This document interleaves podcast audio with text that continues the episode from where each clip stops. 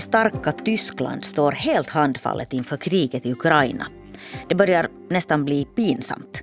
Från att ha varit EUs trygga mamma som la agendan för hela unionen står man nu och gör, ja, ingenting. Vad är det med dig Tyskland? Varför kan inte gasrören till Ryssland bara kapas? Det här ska vi prata om i nyhetspodden idag. Jag heter Jonna Nupponen och med mig har jag Svenska Yles medarbetare i Tyskland, närmare bestämt Nürnberg, Jonny Sjöblom. Hej Jonny, länge sen sist. Hej hej. Hör du, vad är det som händer i Tyskland? Eller nej, jag ska kanske fråga så här. Vad är det som inte händer i Tyskland? Ja, det här är nog den fråga som många ställer sig också här när det gäller regeringens politik. Uh, å ena sidan så talar man ju om att Tysklands Rysslandspolitik nu är inne i en historisk vändpunkt och att, och att de relationer man haft till Ryssland att de inte på något sätt kan förbli så som de har varit. Men mm. sen å andra sidan så ser vi nu samtidigt mycket få konkreta åtgärder som skulle tyda på att Tyskland Tyskland verkligen har omprövat sitt förhållande till Ryssland och att man då helhjärtat skulle stödja Ukraina i det krig som landet befinner sig i. Mm. Äh, den tyska Rysslandspolitiken under de senaste 20 åren har till och med kallats totalt misslyckad. Men kanske nu Tysklands agerande äh, när det gäller att svara på det här ryska anfallskriget i Ukraina har varit helt värdelöst. Äh, hur stöder man Ukraina från tyskt håll just nu? Ja, man stöder förstås humanitärt och finansiellt både på egen hand och via EU. Mm. Man ska komma ihåg att, att Tyskland under de senaste åren har bistått Ukraina med, med miljarder euro.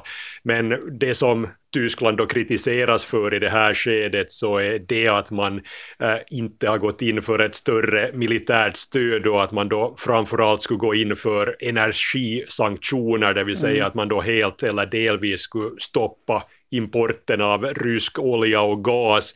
Det här är det vapen som Tyskland främst skulle kunna använda mot Vladimir Putin och Ryssland, men det är samtidigt då ett vapen som man hittills av olika orsaker inte har velat ta till.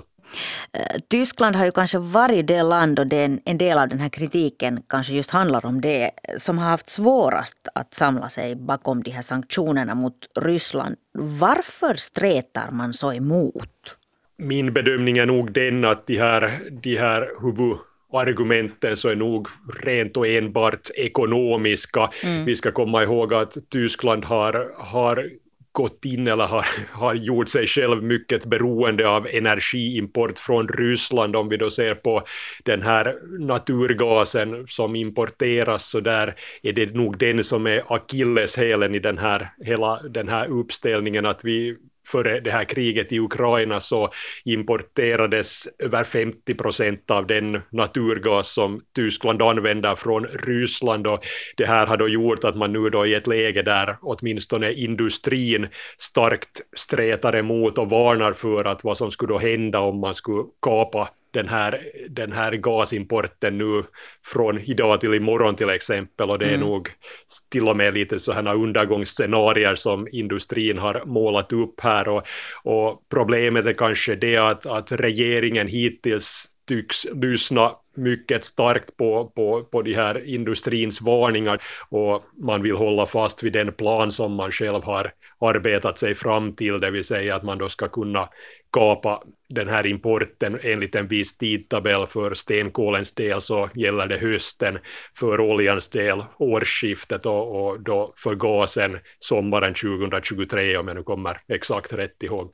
Så att det ger ju en bild av att Tyskland verkligen inte är villigt att, att offra någonting ekonomiskt för att på något sätt, eller ska vi säga på starkare sanktioner. Stämmer det att det blir undergång då som den eh, tyska industrin hotar med?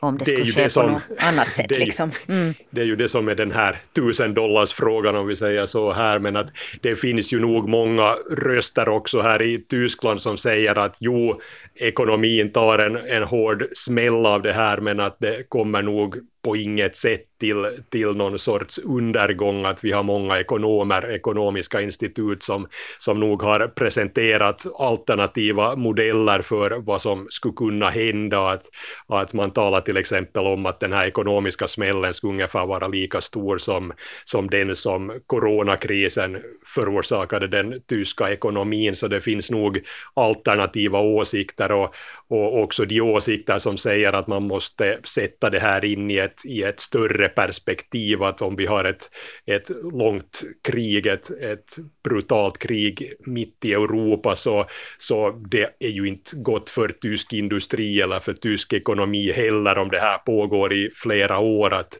att man borde kanske också ta det här betydligt starkare med i, i räkningarna och, och det är kanske det som den här tyska regeringen tyvärr inte heller gör när man då bara ser på de här eventuella akuta ekonomiska följderna som ett brott med rysk import skulle ha att göra.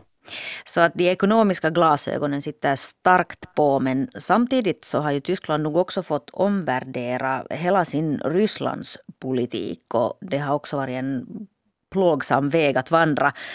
Varför har Tyskland så extra svårt att fatta så att säga de rätta besluten här?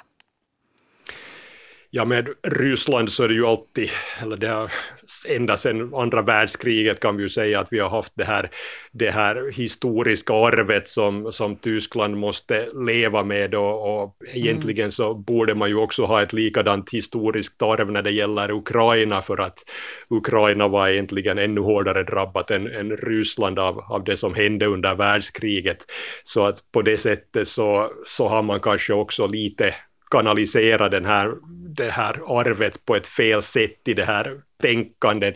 Men det kan ju också hända att det hänger helt ihop med det att Ryssland är större och starkare och erbjuder bättre ekonomiska möjligheter. Det kan mycket väl vara så.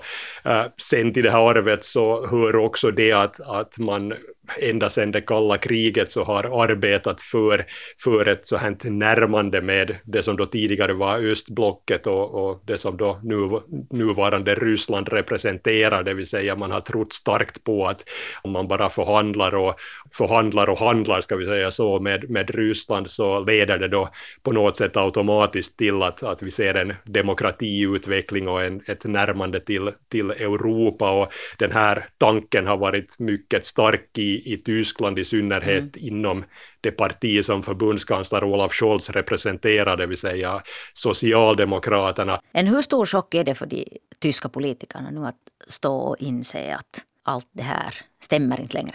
Hela, ska vi säga, hela en stor del av den politikergeneration som vi har nu och som, som sitter på de här högsta posterna. Man kan ju till exempel börja med president Frank-Walter Steinmeier, så de har ju, de har ju talat för, för det här närmandet med Ryssland under hela sin aktiva politiska karriär kan man väl säga. Och, och presidenten så han bad ju faktiskt lite om ursäkt och, och, och, sa att man har missbedömt Putin på många punkter här i, i förra veckan. Så att man får inte helt ta det här heller ur räkningarna, att, att det är en svår situation för många av de här politikerna, att allt det som man har, har jobbat för och trott på så har ju också rasat samman här under de senaste veckorna, så att det här kan ju också vara en delförklaring till att till exempel då Olaf Scholz i synnerhet med sin socialdemokratiska bakgrund, att han har lite svårt att, att se på det här och kanske fatta de rätta besluten. Att, att i den tyska regeringen så finns ju också de gröna till exempel och de verkar nog se den här situationen betydligt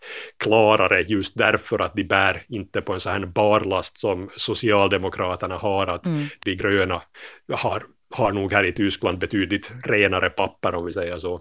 Tyskland leds ju nu då av eh, Socialdemokraterna och Olaf Scholz som förbundskansler. Skulle Angela Merkel ha gjort något annorlunda? Det är ju förstås mm. klart att, att det alltid också här görs, görs det här tankespelet att vad skulle, vad skulle Merkel ha gjort? Uh, jag tror att Merkel skulle åtminstone ha varit en betydligt mer synlig ledare än vad Olaf Scholz har varit. Att, att det kanske också hans stora problem i den här krisen har varit det att han har varit så osynlig på många sätt. Att, att också här i inrikespolitiskt så har det gått ibland många dagar utan att man har hört eller sett någonting av, av förbundskanslern och jag tror nog att Merkel skulle knappast ha gjort ett sånt slarv i en så här ödesstund för Europa att hon skulle ha försvunnit för flera dagar och inte kommentera någonting och hon skulle ha satsat på betydligt mer, ska vi säga, symbolpolitik som att säkert åkt till Kiev och hälsat på presidenten där som många andra ledare i Europa har gjort, att en, mm. en bra symbolbild från det här veckoslutet var ju till exempel det att, att Storbritanniens premiärminister Johnson var i Kiev medan Scholz var på en valtillställning för sitt SPD i Lübeck. Så det här är just som den bilden som, som på något sätt präglar också här i Tyskland, att man frågar sig att vad, vad håller den här Scholz egentligen på med? Det som Merkel säkert skulle ha haft ett problem med, så hennes den här krishantering så skulle nästan ha varit tvungen att börja med en ursäkt eller åtminstone något av en förklaring att varför har Tyskland satt, man kan ju nästan säga att varför har Tyskland bidragit till att det här kriget kunde börja just med den här, det här energiberoendet och, och det mm. att man då kanske har gett Putin en, en alltför framträdande roll på sätt och vis. Kritiken har ju inte varit nådig mot Tyskland, men, det där, men vad tänker tyskarna, de vanliga tyskarna? Vad skulle de vilja? Det här hela läget verkar ju också lite så att det inom regeringen tycks finnas en, en viss rädsla för vad, vad den stora befolkningen tycker och tänker just när det kommer till höjda energipriser och, och mm. ekonomiska uppoffringar. Men, det är liksom inrikespolitik, men om man nu ska se, politisk rädsla lite jo, det, ja. det, det, är nog det för att man ska alltid komma ihåg att, att här har inrikespolitik politiken en otroligt stor betydelse för hur den här utrikespolitiken formas. Så att på det sättet så verkar den här rädslan finnas där och, och, jag tycker kanske inte att om vi nu ser på de opinionsmätningar som har gjorts så verkar den här rädslan vara kanske lite för stor till och med för att, för att en opinionsmätning som gjordes i förra veckan så visade att nästan hälften av den tyska befolkningen är av den åsikten att regeringen helt enkelt gör för lite. Jag tror nog att bland bland den största delen av befolkningen så skulle, skulle det finnas en, en bred förståelse för det att man själv då kanske offrar någonting för att, för att stödja Ukraina mer än vad man gör nu. Mm. Tyskland under Angela Merkels tid eh, tog ju så att säga ledningen i EU. Det var det centrala och ledande EU-landet som, som fick hjulen att snurra. Vad kan det här velande få för konsekvenser i längden för Tysklands ställning i EU? Ja, ser man nu redan om man blickar österut och ser hur de här östeuropeiska EU-länderna tycker och tänker om, om Tyskland så, så man är nog inte riktigt nådig i den här kritiken som riktas mot Tyskland just därför att man ju i flera år redan har varnat för den här situationen att den kan uppstå då man för den här politiken gentemot Ryssland och, och mm. då man stöder de här gasledningsbyggena och, och driver de här projekten och, och man har ju nog förstås en man kan ju säga att vad var det vi sa, men sen samtidigt så, så försöker man ju nog säkert nu i det här läget väcka Tyskland att äntligen då vakna upp till det här läget som man har varnat för. Uh, om Tyskland sen vaknar i något skede så, så får vi ju se. Jag tror att det viktiga just nu är då kanske att man faktiskt utifrån landet sätter mer press på Tyskland för att jag tror knappast att man kan vara vara totalt immun mot den kritik som riktas mot landet, för att det är ju inte första gången, det var ju redan innan det här kriget inleddes från rysk sida då så fördes det ju en diskussion kring den här tyska utrikespolitiken och hur förödande den har varit. Man trodde här i början av kriget att, att det kanske kom till en relativt snabb vändning men nu har det här velandet då igen fört Tyskland till en position där, där det riktas massiv kritik mot landet kan man väl säga och, och på det sättet så har jag nog svårt att se att man nu i all evighet skulle kunna fortsätta på den linje som man nu är inne på. Som sagt, så jag tror att det i något skede måste, det måste helt enkelt komma till en vändning. Tusen tack Jonny Sjöblom för den här förklaringen. Mitt namn är Jonna Nupponen. Nyhetspodden från svenska YLE produceras av Ami Lassila. Tekniken sköttes idag av Max Kivivuori. Fortsätt lyssna på oss.